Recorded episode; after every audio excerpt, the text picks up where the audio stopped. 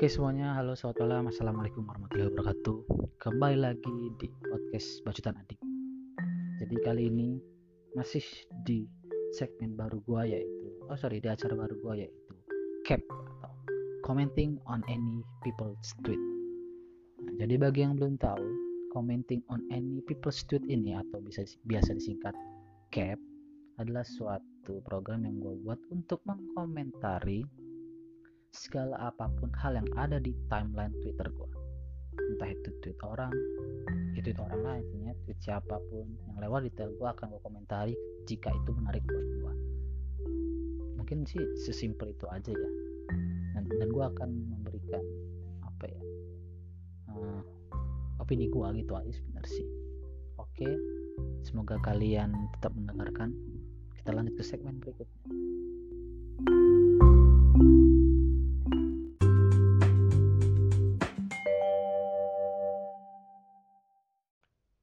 Oke semuanya, jadi di episode 2 kali ini pada tanggal 20 November 2021 gue akan cek dulu apa apa yang terjadi di timeline Twitter gue. Oke, gue lihat dulu ya. Ah, mana buka Twitter? Oke, gue lihat dulu apakah ada yang menarik. Dan ada ada apakah ada yang menarik? Bentar, bentar. Nah, mana nih gak ada yang menarik nih? Oh ya nih, dari Lampung Fest. Selamat malam. Maaf, izin tanya. Info dong di Bandar Lampung tempat border logo di mana ya? Terima kasih responnya. Oke, jadi ini ada yang reply nih. Reply si Aris ini nge-reply kalau tempat border itu border logo itu di Cahaya 79. Kalau dari gue sendiri, gue pernah ngurus bordir dulu, bordir logo itu biasanya gue di ini di depan di kedaton di depan makam pahlawan. Di situ di situ ada kayak toko konveksi gitu. Nah, tapi itu dulu ketika gue dua tiga tahun lalu ah, dua tiga tahun lalu waktu gue masih ngurus apa namanya ngurus di organisasi di organisasi gue waktu buat pakaian PDH jaket dan dan lain-lain. Kayaknya sih masih ada sih tokonya. Semoga sih masih ada ya gitu Daton di depan makam pahlawan. Nah, oke, selanjutnya apakah ada yang menarik lagi? Hmm, mana nih tidak ada yang menarik lagi? Apakah tidak ada yang menarik lagi ya? Maaf ya teman-teman, saya langsung ini soalnya apa namanya langsung buka Twitter langsung saya komentarin gitu, nggak nggak pakai skrip jadi ma mohon maklum gitu ya. Hmm. Hmm, apa nih? Mana sih menarik nih malam ini? Wah. Nah, ini nih ada tweet dari Political Jokes ID. Sebenarnya ini gambar sih. Jadi dia gambar gambar kayak persilangan itu antara janji jiwa dan kopi kenangan. Jadi janji jiwa sama kopi kenangan tuh menikah gitu kayak nikah muncul anak-anaknya empat janji kopi, janji kenangan, kopi jiwa, kenangan jiwa. kreatif, kreatif. Gue gak tahu ya, ini salah satu bentuk kreativitas orang dalam menamai semua, sebuah brand produknya atau memang di mereka terbatas hanya sampai itu aja gitu. Maksudnya bukan terbatas, ah lainnya itu, ah gue nggak pikir lagi ini aja gitu, bukan maksud gue terbatas sih. Eh makin namain aja biar mirip dengan kopi-kopi yang sudah ada. Kan kita, yang kita tahu kan janji jiwa sama kopi kenangan itu kan salah satu coffee shop yang udah terkenal ya. Jadi menurut gue mereka itu terbatas dari ah makin namain aja biar lebih terkesan menarik gitu ya. Kan kayak kayak apa ya kayak ngopi itu dari hati kenangan ah gitu lah menye gitu. Coba kita cek replaynya ya kopi gangguan jiwa. Ada ada. Janji Jokowi astagfirullahaladzim. Ada ada aja orang. Ya udah lanjut aja. Itu aja kayaknya menarik. Nah nih dari Watchmen ID mereka ngasih tahu ngetweet gini ada yang ngikutin Now We Are Breaking Up. Nah sekarang ada review jadi drama romantis drakor ya drama Korea. Now We Are Breaking Up udah ada di view tuh bagi pecinta drama Korea yang lagi gabut atau lagi pengen nonton film eh drama Korea yang lain coba bisa dicek di view gitu. Soalnya gue nggak terlalu into into apa namanya ke drakor sih jadi kurang paham gitu. Lanjut. Nah ini dari Watchmen ID lagi nih. Nonton dulu Ben movie yang terbaru bakal tayang di sini tanggal 24 November jadi tanggal 24 November nanti bakal tayang di Indonesia di CGV yaitu My Hero Academia alias buku My Hero Academia di movie yang World Heroes Mission gitu. Bagi teman-teman pecinta anime nih kan yang suka Deku Boku no Hero Academia bisa tunggu nanti November 24 November ya sekitar lima hari lagi ya. Kita 20 eh sorry 4 hari lagi. Lanjut nih apa nih kita lihat. Apa lagi nih? Oh, dari Bambang Widodo alias at pembimbing utama. Dia nge-tweet tepat 26 tahun tel tepat 26 tahun lalu Telkom Indonesia melakukan IPO pertama kali. Tidak hanya dilakukan di BI tapi juga di NISE AS AS. Semoga momen bersejarah ini menjadi motivasi Telkom untuk terus memberikan yang terbaik dan semakin dikenal di level global. Nah, jadi Telkom Indonesia ini memperingati 26 tahun IPO-nya mereka di pasar bursa efek Indonesia dan juga di NISE. Hebat juga ya mereka sekali IPO langsung di NISE juga gitu. Keren sih. Tahun dia tahun dia tahun 95 terus bukan baru loh istilahnya sekitar berarti 26 tahun yang lalu loh di mana ya gue nggak tahu ya gimana ya pasar saham pada saat itu di Indonesia gimana ya. Tapi kayaknya kan hebat juga loh udah. NYSE dia. New York. Oke lanjut. Ada apa lagi nih? Ada apa lagi nih ya? Ada yang menarik sih. Belum belum ada belum ada yang menarik kok namanya belum ada yang menarik lagi nah dari Erlangga Gracinov Gracinov dia ngetit 5 soft skill super penting yang kita perlukan saat ini. Satu kemampuan beradaptasi.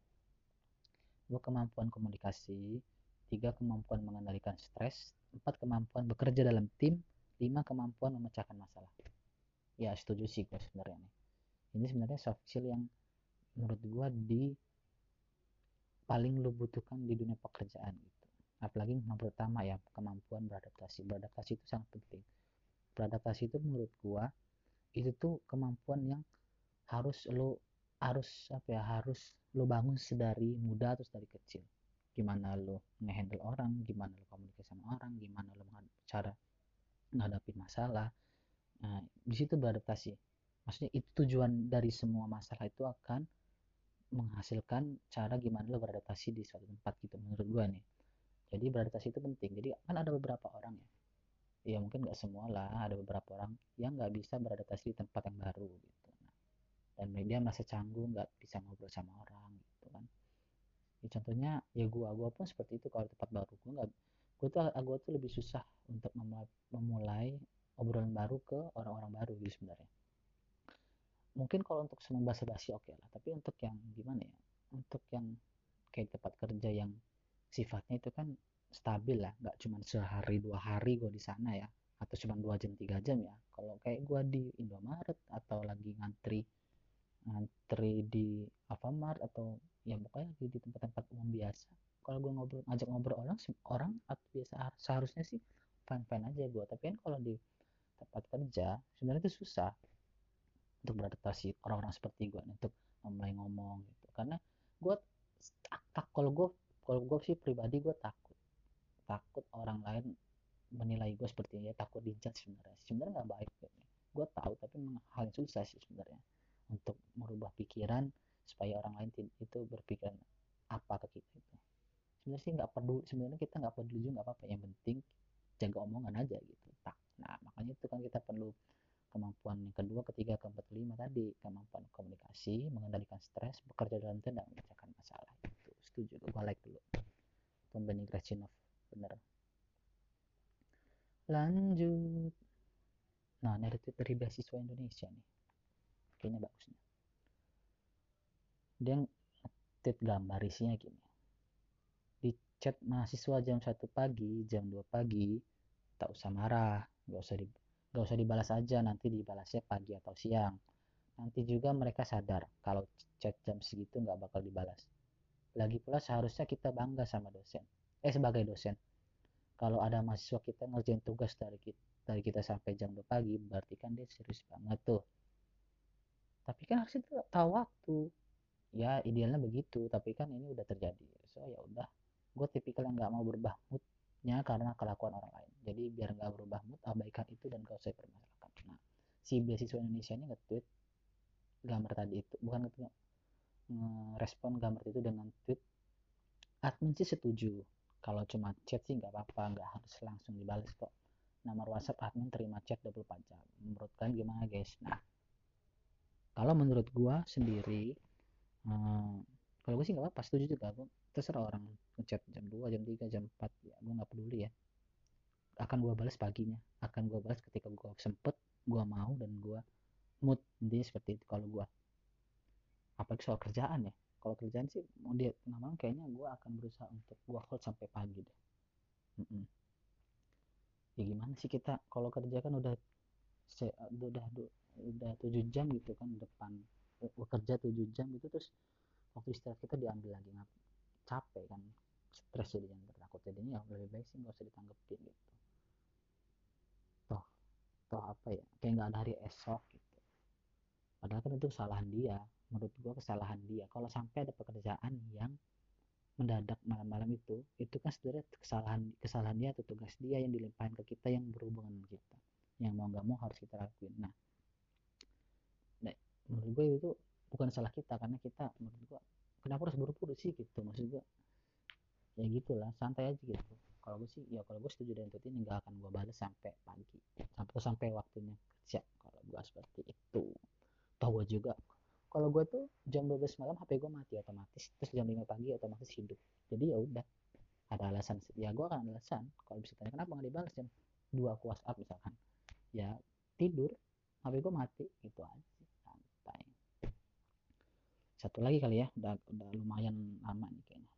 Satu lagi deh. Lanjut. Hmm, kita ah apa nih mana nih tidak ada yang menarik lagi nih coba kita refresh dulu lagi kita lihat lagi. Hmm. ketemu tweet lucu tapi ini untuk soal game sih. Gambar lanjut aja deh yang lain. Hmm lagi. Ini sih gak menarik ya deh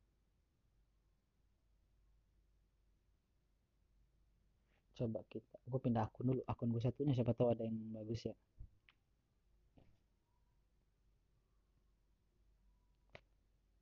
Hmm.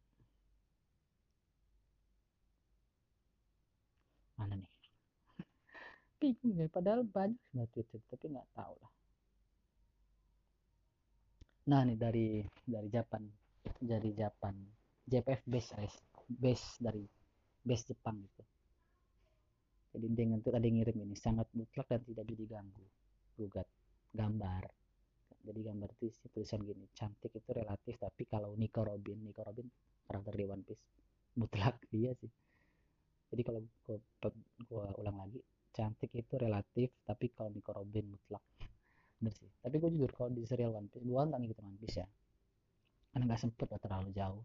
Gue agak mager ikutinnya tapi buat gue yang cantik itu emang Nico Robin dibanding Nami. Beberapa orang tuh lebih suka Nami di karakter One Piece. Tapi kalau gue sih lebih prefer ke Nico Robin. Menurut gue Nico Robin tuh tinggi seksi pinter kan? Ya, pinter deh pinter deh apa namanya bisa bisa bahasa apa sih? Gue lupa gue nggak ngikutin sih nggak tahu. Jadi dia tuh kayak sejarawan gitu kalau nggak salah. Ya gitu sih. Emang cantik kalau apa itu fix. Ada lagi kayak hmm, oke kayaknya udah segitu dulu aja ya. Kita kayaknya udah gitu segitu aja dulu. Jadi ya lanjut ke segmen selanjutnya.